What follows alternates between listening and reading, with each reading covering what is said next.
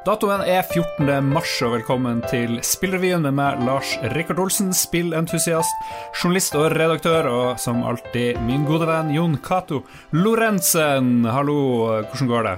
Kjempebra. Kjempebra. Helt topp. Er, er, det fordi du har fått eh, PlayStation 5 endelig? Du er en av de heldige i Norge? Ja, nå har jeg både Xbox Series X og PlayStation 5, så jeg var så heldig at Nordisk Film faktisk ville sende PlayStation 5 til oss, så at vi Ah. Vi som driver med viktigste spillnyhetsformidlingskanalen i Norge, vi ble prioritert Okay. rett etter Linni Meister, Lars.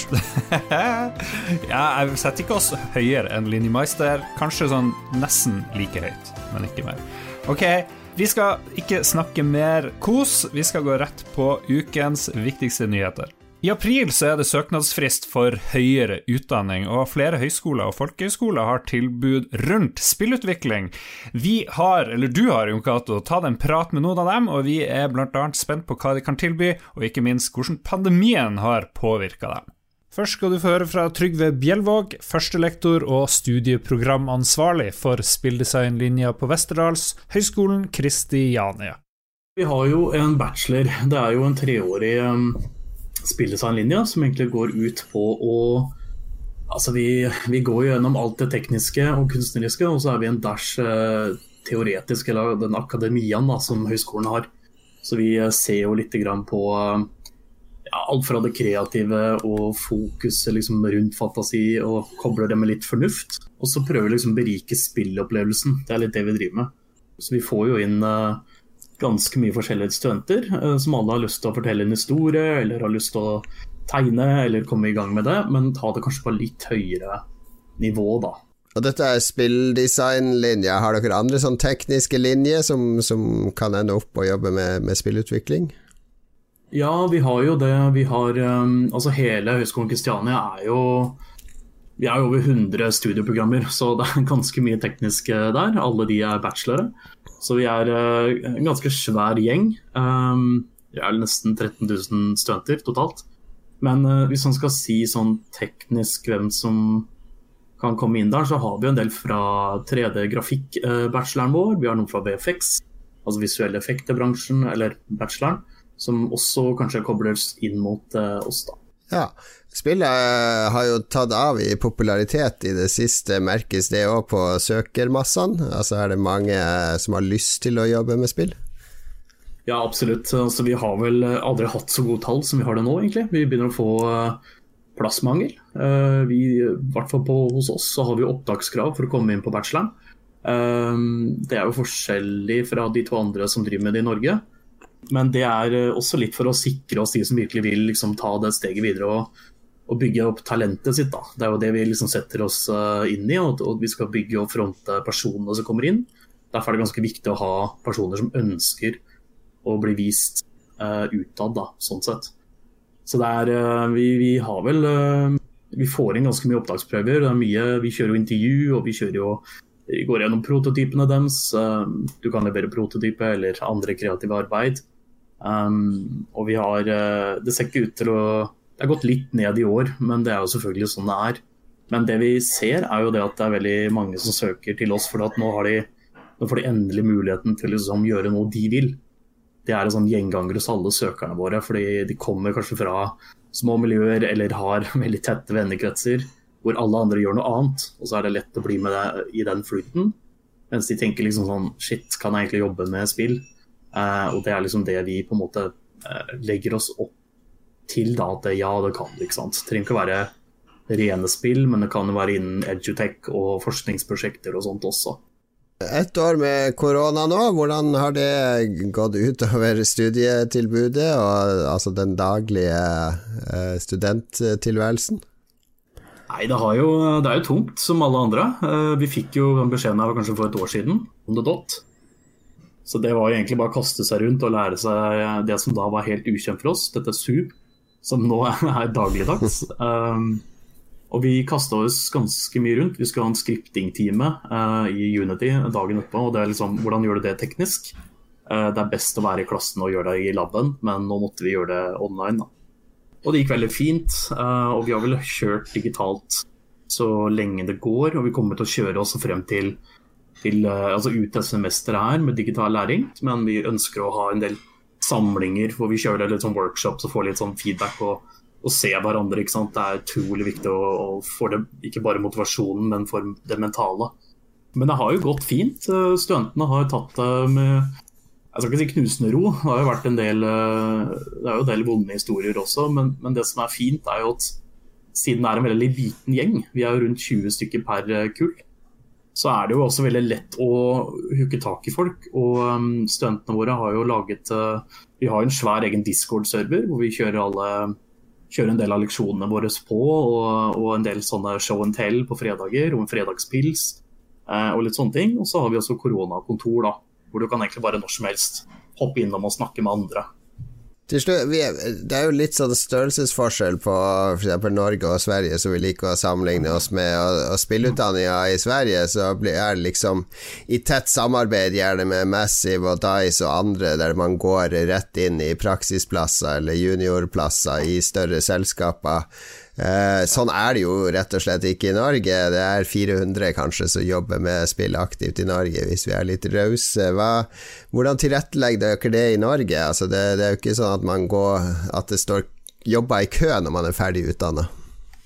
Nei, det, det, er jo vanskelig marked, men det vi gjør allerede fra år én, er jo å ekspandere litt på hvilket fagfelt du skal inn i. Da. Det er jo ikke bare Eh, hva skal man si, ja, spill, spill, man kan lage. Det er jo veldig mye interaktiv media. Vi har jo altså VR og AR og, og liksom dette mm. med å faktisk gå inn i andre typer fagfelt med den spisskompetansen du får hos oss, er jo det vi faktisk ser at vi, vi tiltrekker veldig mange på også. Alle kommer inn med tanke om at de har lyst til å lage drømmespillet sitt, men i løpet av tre år så har vi fått dem eh, De får en god, en, en god showreel, de har masse ting å vise til, men de kan også fagfeltet og de vi gjør en del teori med dem også, som gjør at de kan snakke om disse prosjektene sine og hoppe inn i da nye fagfelt og knytte koblinger på tvers. da. Så vi mm. har jo f.eks. På førsteåret vårt så har vi jo da en to ukers workshop med manusstudentene våre. Med alle spilldesign og manus. De møtes og har en to uker workshop ved en sånn konseptuelt uh, uh, idémyldring, men de skal lande i en prototype. da. Og Det gjør da at alle de fra oss på spill som har lyst til å lage kule storyer og liksom har godt manus og virkelig jobber med actors. Vi får jo sånn, en veldig sånn fin stepping stone inn i manus. Så vi, vi, sprer det ganske stort, og nå har vi alt fra Vi, få, vi har folk som går til Red Thread og, og uh, uh, Agents og litt sånne ting, men vi har også folk som går innenfor Atensi, som er mer sånn uh, informasjonsteknisk og mer ja, skal man si, mer gamification eller spillifisering, ikke sant. Mm. Uh, og noen jobber med UX og UI og litt sånne ting. Så, ja, og noen går videre forskning. ikke sant? Så det er um, Jeg tror de kommer inn med et mål, og så kommer det ut med flere muligheter. Det er ganske viktig for oss å kunne si fra dag én. Og så ja. kan jeg, jeg kan også si at akkurat det med Ubisoft Massive er litt artig, for vi har også kontakter der nå. Og vi begynner også å snuse på loddeutstudenter til uh, Ubisoft. Det er ikke bare i Norge du kan søke, du må tenke mer globalt. Og det tror jeg vi har mm. sett nå i det siste med, de siste ti årene har det eksplodert med altså Hvor du jobber nå er jo på en måte ikke så viktig lenger. Og det er viktig for eh, studentene å skjønne at de må være litt mobile, da.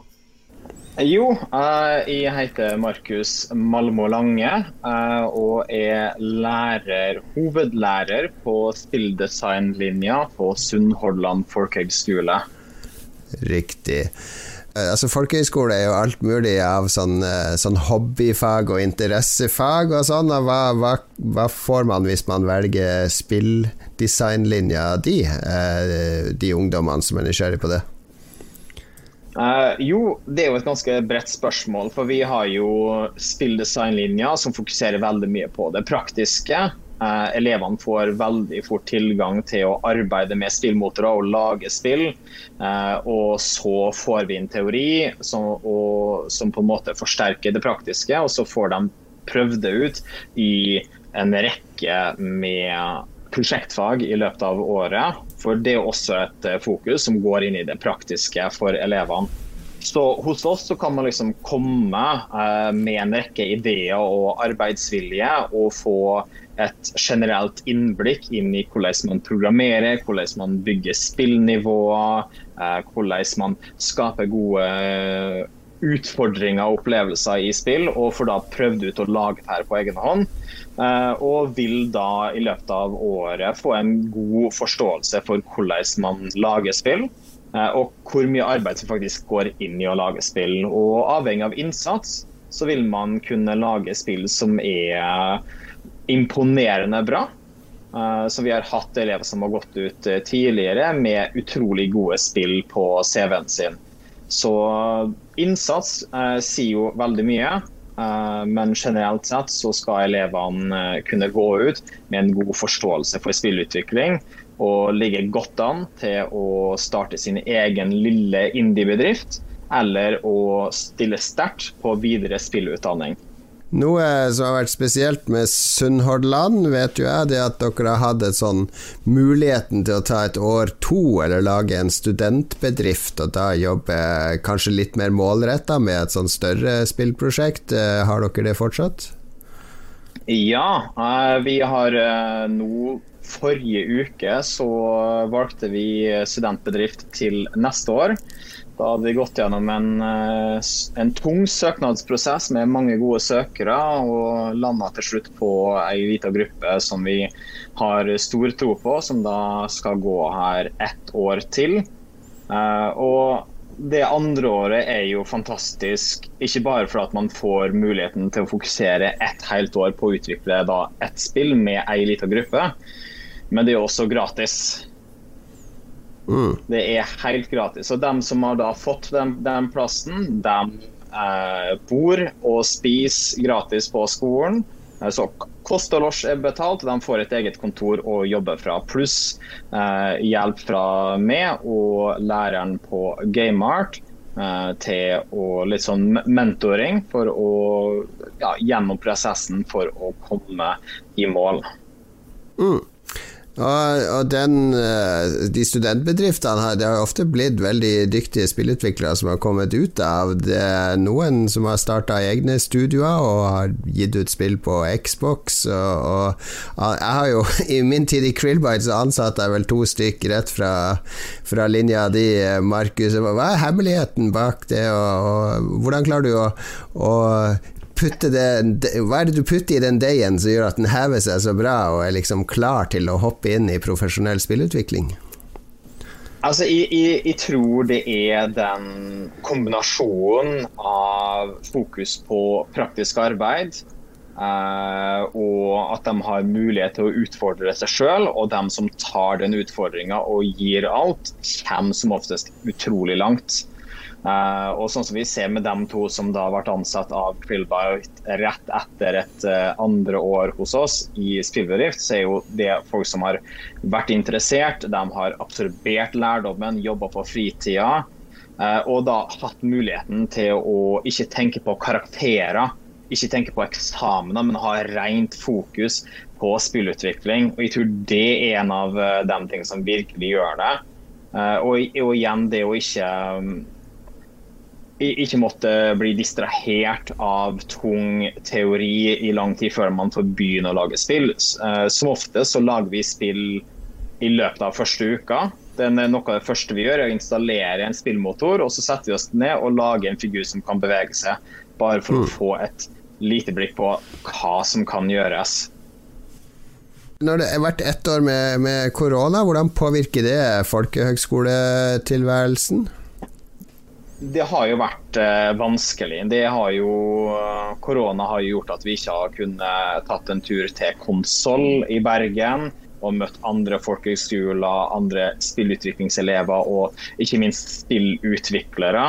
Eh, det føler jeg alltid har vært en veldig fin ting for elevene mine å ha vært med på. Eh, så jeg syns det er veldig synd at vi ikke fikk dra dit i år. Så, så, det er veldig mye på det med å kunne reise ut i Norge og besøke spillutviklere og, og på en måte få kjenne litt på den, det samholdet da, som finnes i norsk spillindustri, mm. eh, som jeg ofte opplever er veldig energiserende hos elevene, hos dem som virkelig vil. For de sier at oi, her er det normale folk, sånn som jeg, som lager spill. Her er noe jeg også kan ta og gjøre.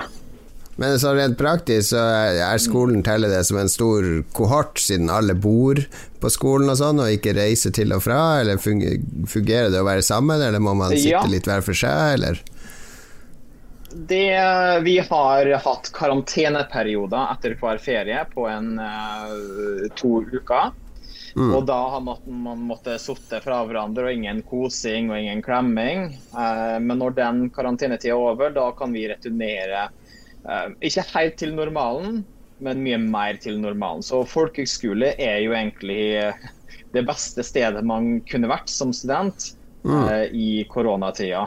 Fordi her har, de, her har folk kunnet sitte sammen. Uh, og jeg vet jo hvordan det er, for jeg har jo kontakt med folk som tidligere studenter som studerer uh, på høyskole og fagskole. Og det er jo hardt å ikke kunne sosialisere. Så um, for elevene så tror jeg at det har vært helt knallers, og for oss også så har det vært kjempefint å kunne ha den normaltida. Uh, vi fikk jo smake litt på utdanning over Teams i mm. fjor vår. Uh, og det er jo ikke det beste. Uh, og det er jo ikke engasjerende. Så vi er veldig glad for at vi kan ha elevene her, og at vi kan være sammen og gå rundt i samme rom. Og ikke må være uh, redde for hverandre. Selvfølgelig opprettholde håndvask og alt sånt. Men generelt så har livet kunnet egentlig gått ganske normalt for seg. Og så er vi også veldig heldige med at vi bor i en kommune som nesten ikke har hatt noe koronasmitte i løpet av hele koronaperioden. Nate Fox og Jason Connell i Sucker Punch er utnevnt til turistambassadører for byen Sushima i Nagasaki. Det er borgermesteren i den japanske byen som står bak, fordi han synes PlayStation-spillet Ghost of Tsushima har gjort en så strålende jobb med å vise frem øya og deres historie.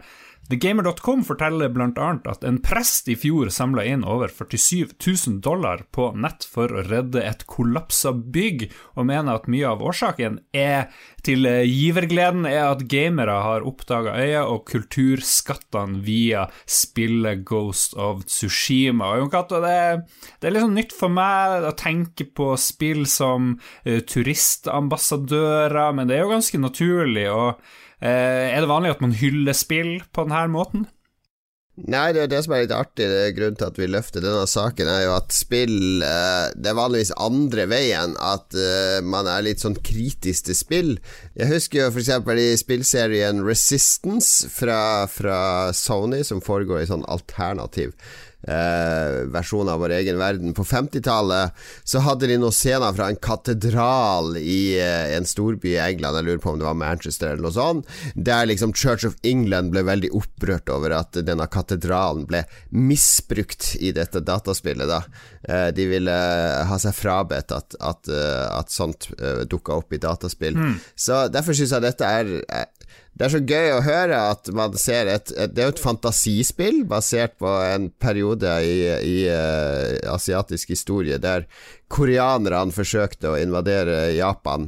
Og så har man laga ganske, ganske fantasifull fortelling, men hele spillet er jo en slags sånn kjærlighetserklæring til uh, denne fantastiske naturen, og litt sånn uh, spiritisme, og litt sånn klisjéfylte samurai-klisjeer. Men Kanskje har det med at kulturen i Japan er litt sånn at spill er mer anerkjent som en, en eh, del av mainstream-kulturen der, at japanerne kan se at yes, dette var gøy. Gøy at de liksom hyller øya vår i dette spillet, selv om, selv om ja, I Norge så blir det jo sånn at hvis Märtha Louise eh, slipper en promp i en, uh, i en serie om andre verdenskrig, så blir det jo tirader fra historikere. Men uh, tydeligvis så syns ikke japanerne at historisk korrekthet er det viktigste. Det er det at det blir hylla i et uh, kulturprodukt. Inspirert av denne nyheten så kikker jeg på hvordan forskning som er gjort om turisme og dataspill, og det fins en god del litteratur der. Det var noen som har sett bl.a. på hvordan fremstillinger i Assassin's Creed-spill. Flere Assassin's Creed-spill har påvirka turisme til Italia, f.eks., og så har de satt det opp eller vi kan sette det opp, opp mot eh, Far Cry 5. De sjekker, Er det mange som får lyst til å dra til Montana etter å ha sett den her litt ville actionhistorien om fundamentalisme og kristne i Montana? Det var det ikke, men eh, Assassin's Creed det har en viss effekt. Og så er det noen som har sett på en guide som Yokosuka kommune har laga i Japan, basert på Shenmue.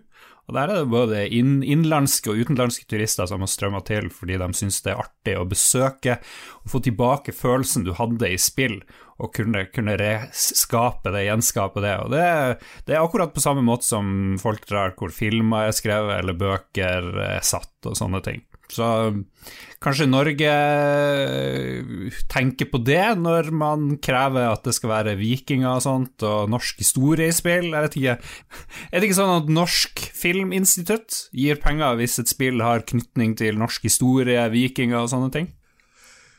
Nei, det skal vel Det er jo sånn der uh, Dette her tror jeg kommer fra noe EU-lovgivning, at det skal være forankra i lokal kultur. Hva det betyr. Altså I starten, når disse støtteordningene kom, så hadde jo annethvert spill var jo basert på vikinger, mm. eller uh, hardingfele, eller hva nå. Altså det, det, ble en sånn klisjéfull greie. Men norsk kultur er jo mye mer enn det.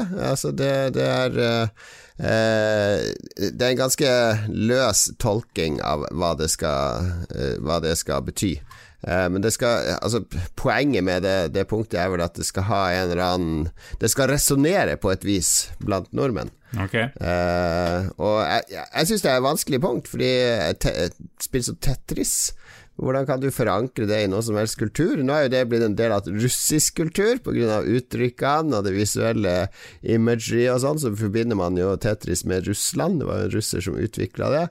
Men der, den forbindelsen er jo kommet etter at spillet kom. Det er jo mm. ikke det at uh, russisk kultur var en del av uh, fundamentet for spillet sitt uttrykk. Så jeg, sånn som jeg har skjønt det, så tolker de det ganske løst. Det skal mye til for at eh, du, du feiler pga. den kulturtolkinga. Oppkjøpet av Betesta ble nylig godkjent av myndighetene i både Europa og USA. Kort tid etterpå så kom 20 Betesta-spill til Microsofts abonnementstjeneste GamePass, og Xbox-sjef Phil Spencer sier at fremtidige Betesta-spill vil bli eksklusiv til Xbox-systemet hvis ikke tidligere avtaler hindrer det.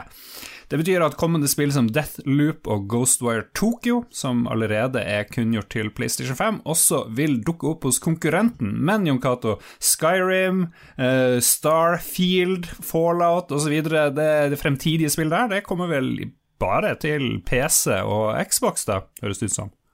Det virker jo veldig sånn, og det, er jo veldig rart hvis Microsoft skulle brukt milliarder på å kjøpe eller overta eierandelen i dette selskapet, med mindre de faktisk beholder titlene i sitt økosystem. Eh, så ja, det, det, kommer nok til å skje. Det er jo ikke noe sjokk, det. Det er surt for PlayStation-fans og de som eh, eh vil holde seg til, kun til PlayStation som spillmaskin. Ja, Tror du det her vil kunne lokke folk bort fra Sony og PlayStation? Jeg tror jo det, hvis de spillene blir bra, men det som jeg tror kanskje er overordna her, er vel at Microsoft Microsoft har en annen tanke, de er på et annet nivå enn Sony, fordi de tenker GamePass og Xbox som først og fremst som en tjeneste, og ikke som en, konsoll eller et lukka system. Så jeg tror helt ærlig at Microsoft gjerne sende en forespørsel til Sony og sier uh, Hva med GamePass på uh, PlayStation 5? Altså, folk, dere kan få 20% av abonnementspengene, men da får vi vår tjeneste på deres konsoll. Da får spillere deres mulighet til å spille uh, neste Elder Scrolls osv. Uh, Sony kommer aldri til å svelge den pillen, men det er det Microsoft vil. De vil ha GamePass på alle, alle systemer og ja. sitte og, og hamst, uh, luke inn uh, disse abonnementsinntektene. Men hvis Sony ikke vil det, da, hvis de sier nei, GamePass det, det, det er spikeren i kista for oss, hva er det de skal gjøre for å møte konkurransen? De må jo kontre GamePass på et eller annet vis, og de har jo prøvd å begynne med det litt sånn famlende på PlayStation 5, fordi når jeg var så heldig å få PlayStation 5 fra Nordisk Film denne uka Nå, har jeg takka de nok. Tusen takk, Nordisk Film, for at sendte oss PlayStation. Nei, når jeg endelig fikk den nå, fordi jeg har jo bare lest om ting før, så fikk jeg jo eh, prøvd litt sjøl. Uh, og det første som slår Eller det som slår er at du har en sånn der um, uh, PlayStation Classics-samling uh, som de har laga, der du kan laste ned gratis en 20-30 PlayStation 4-spill som du kan spille på PlayStation 5 din. ganske bra spill, altså typ God of War og Detroit Become Human og store, store PlayStation 4-spill som, som, du får gratis via PlayStation Plus-abonnementet ditt på PlayStation 5. Det ble mye, mange, mange kort ja, men det er, det, så, det er, jo ikke det samme som GamePass, som er en egen seksjon på forsida når du skrur på Xboxen din. Går du inn der, dritmasse mm. spill. Du har dem uh, tilgjengelig når som helst. PlayStation har de 20 spillene du får når du kjøper maskin. Ja, ja, greit nok. Føler ikke at det har vært noe sånn stor oppmerksomhet rundt det. Ja, så har de et par spill i måneden som kommer via den PlayStation ja. Plus-greia. Som er litt Hvis du skal sammenligne direkte med GamePass, så er det for lite, ikke sant? Nå kom nettopp 20 spill til GamePass, og det, det, er et stort, stort bibliotek bak der, mens på PlayStation så har du, du har en måned på deg til å laste ned og spille det spillet her, ja, ja. Og, og få tak i det. Og hvis det kommer en kompis til deg og ser Oi, du har det spillet, ja, det fikk jeg på PlayStation Plus, og så drar de hjem, og så fikk de ikke kjøpt eller de glemte å hente det spillet den måneden det var tilgjengelig. Så det er jo ikke noe sånn det er ikke noe felles følelse av at oi, vi har masse spill. Det er litt sånn tilfeldig når du fikk PlayStation. Nei, det, føl det, føles ikke som en tjeneste. Det er ikke en, uh, en console-selger sånn som uh, GamePass er. Fordi GamePass har hos spillere Det har blitt synonymt med Altså, jeg har jo 25 spill installert på min Xbox Series X. Alt er, nesten alt er via GamePass. Fordi ok, det har jeg lyst til å teste, det har jeg lyst til å sjekke ut, det har jeg lyst til å teste. Mens når jeg skrudde på min PlayStation 5, så var det sånn ja, greit, jeg kan laste ned God of War, Last of Us 2. Teste de på nytt på PlayStation 5. Men så vil jeg spille Demon's Souls. Ja, 859 kroner, ja. ja. Takk, takk og farvel til de pengene. altså, det, det, var en helt annen følelse å gå inn på en Xbox og bare ha det der eh, her, dette digre biblioteket her. Du kan jo leke deg så mye du vil, og du kan også kjøpe spill. Dirt 5 lasta jeg ned på, på Xbox. Uh, det ligger på GamePass. Kosta meg ingenting annet enn månedsabonnementet. Koster 800 kroner på PlayStation 5. Så all, allerede her så er det Det er en eller annen skjevhet. Det, det her kommer til å få store konsekvenser for spillbransjen, denne distribusjonsmodellen, og det at GamePass Folk forventer at ting skal komme mm. på GamePass, at det skal holde å betale et månedsabonnement. Det er som Spotify, du forventer å finne musikken din der. Ja, eneste løsninga for Sony å lage sin egen GamePass, eller finnes det noe annet? Jeg klarer ikke å komme på noe annet smart løsning her, egentlig. Nei, og det krever jo en, en konkurransesituasjon der Microsoft og Sony sitter og, og tråler markedet etter attraktive spill for å få det inn på sin abonnementstjeneste, eh, og samtidig ha en eksklusivitet at da kan du ikke gjøre dette med konkurrerende abonnementstjenester. Og da blir det da, da blir det plutselig veldig gunstig for utviklere som lager gode spill, for det vil være en budkrig for å få inn de mest attraktive spill i sin tjeneste. Eh, men den taper Sony, rett og slett, fordi Microsoft tjener, har, har en dobbelt så høy omsetning som Sony totalt. Nå snakker vi om hele selskapene her, hva Microsoft og Sony tjener på alle sine produkter. Og har en, en fortjeneste som jeg tror er åtte eller ni ganger høyere enn Sony sin årlige fortjeneste. Så Microsoft har pengebok her. Altså, de de, de, kan putte kaste penger etter dette for å knuse Sony. Så jeg tror ikke det er riktig av Sony å, å ta konkurransen på deres premisser heller. Det de burde gjøre, er jo å satse på originale egenproduksjoner. Det er jo det som har vært styrken til PlayStation 5, at du har hatt masse originale spill. Eh, I motsetning til Xbox, der det har vært mer det generiske bilspillet Forsa. Kjempebra spill, men eh, det er fortsatt et bilspill. Du har Halo-serien, som på en måte er eh, reiterasjoner av seg sjøl på nytt og på nytt, som, som, liksom Jeg føler når ikke nye markeder. Altså det, det, er lite grensesprengende fra Microsoft. Der har Sony mm. vært flinkere. Ja. En enn så lenge, da, hvis vi sier at Sony ikke kommer til å lage sin egen, så fortsetter det her en stund til. Sony må tilby Nei, jeg mener Microsoft må tilby masse, masse spill i sin pakke. Hva tjener utviklere, og hvor sitter de selskapene igjen her? Du nevnte Spotify man tjener ikke så mye på å være på Spotify. Nei, det er jo det som er ulempa med GamePass, er at om det blir sånn som gamere drømmer om, at uh, nesten alle nye spill er på GamePass, så, så blir det også mindre penger til alle de som er med på GamePass. Uh, så det blir som Spotify til slutt, at uh, for en utvikler, et studio med 50-100 ansatte Jeg tror ikke du får nok penger av Xbox til at GamePass-inntektene alene kan holde liv i studioet ditt.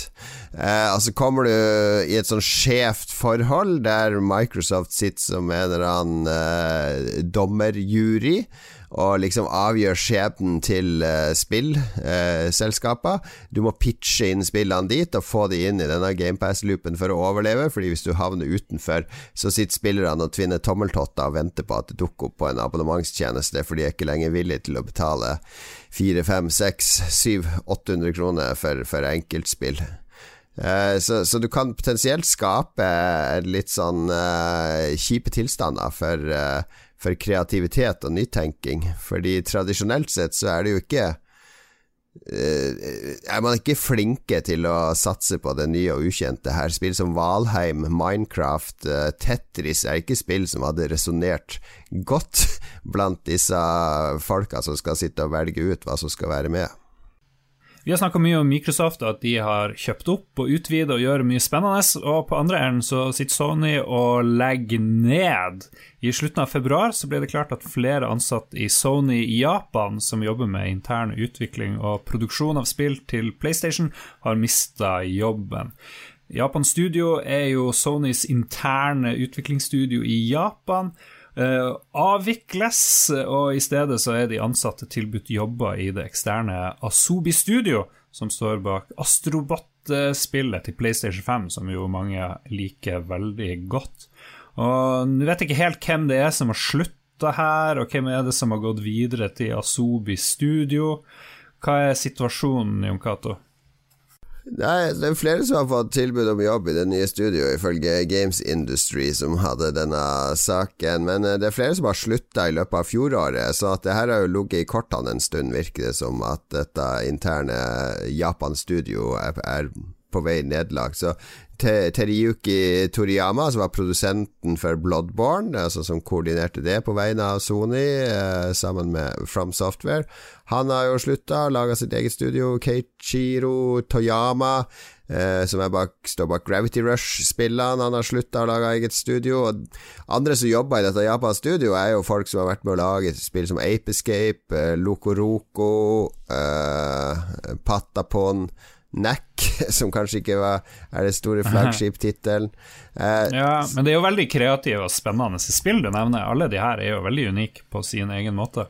De er det, de er det, og det er jo hvis du spiller dette Astrobot-spillet til PlayStation 5, dette gratis plattformspillet som liksom er en, en uh, hyllest av PlayStations historie, så er jo mange av disse ikoniske merkevarene er jo hylla i dette spillet, så det virker veldig rart å legge ned dette eksperimentelle studioet som har stått bak mange av de mer særegne, men også ikoniske spillene som, som PlayStation har produsert, og vært med å bygge opp merkevaren eh, Sony. Jeg, jeg syns jo det er litt sånn urovekkende hvis uh, Det virker som Sony nå, med, med Herman Hulst i, i, hovedrollen, altså han som jobber i Guerrilla Games med Killzone og, Horizon Zero Dawn sikter veldig mot det vestlige markedet og litt sånn der eh, trippel A, vestlige action, eventyr, åpen verden-type spill, som er fint og bra, men Sony sitt S i ermet mot Microsoft har alltid vært den japanske tilhørigheten i bunnen. Altså, vi vi hyller det sære. De hadde jo demoer på PlayStation 3, for eksempel. Altså, ikke spilldemoer, men sånn demoer mm. vi er vant til fra Amiga og, og demoscener. Så at ja. de har alltid hylla og løfta opp ting som Flower og Journey og eh, sære, rare spill fra indieutviklere over hele verden, men også særjapanske ting har hatt sin plass på PlayStation. Så jeg, jeg frykter at det kan forsvinne.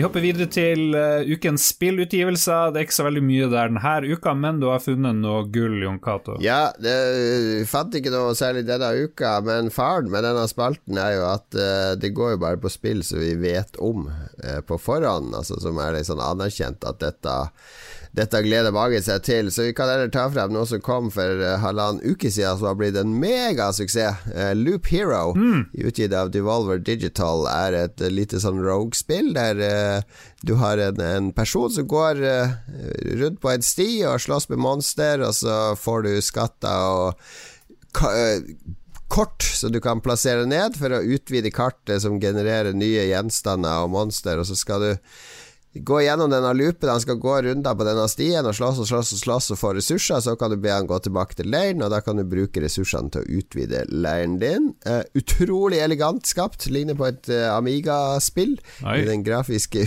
utforminga.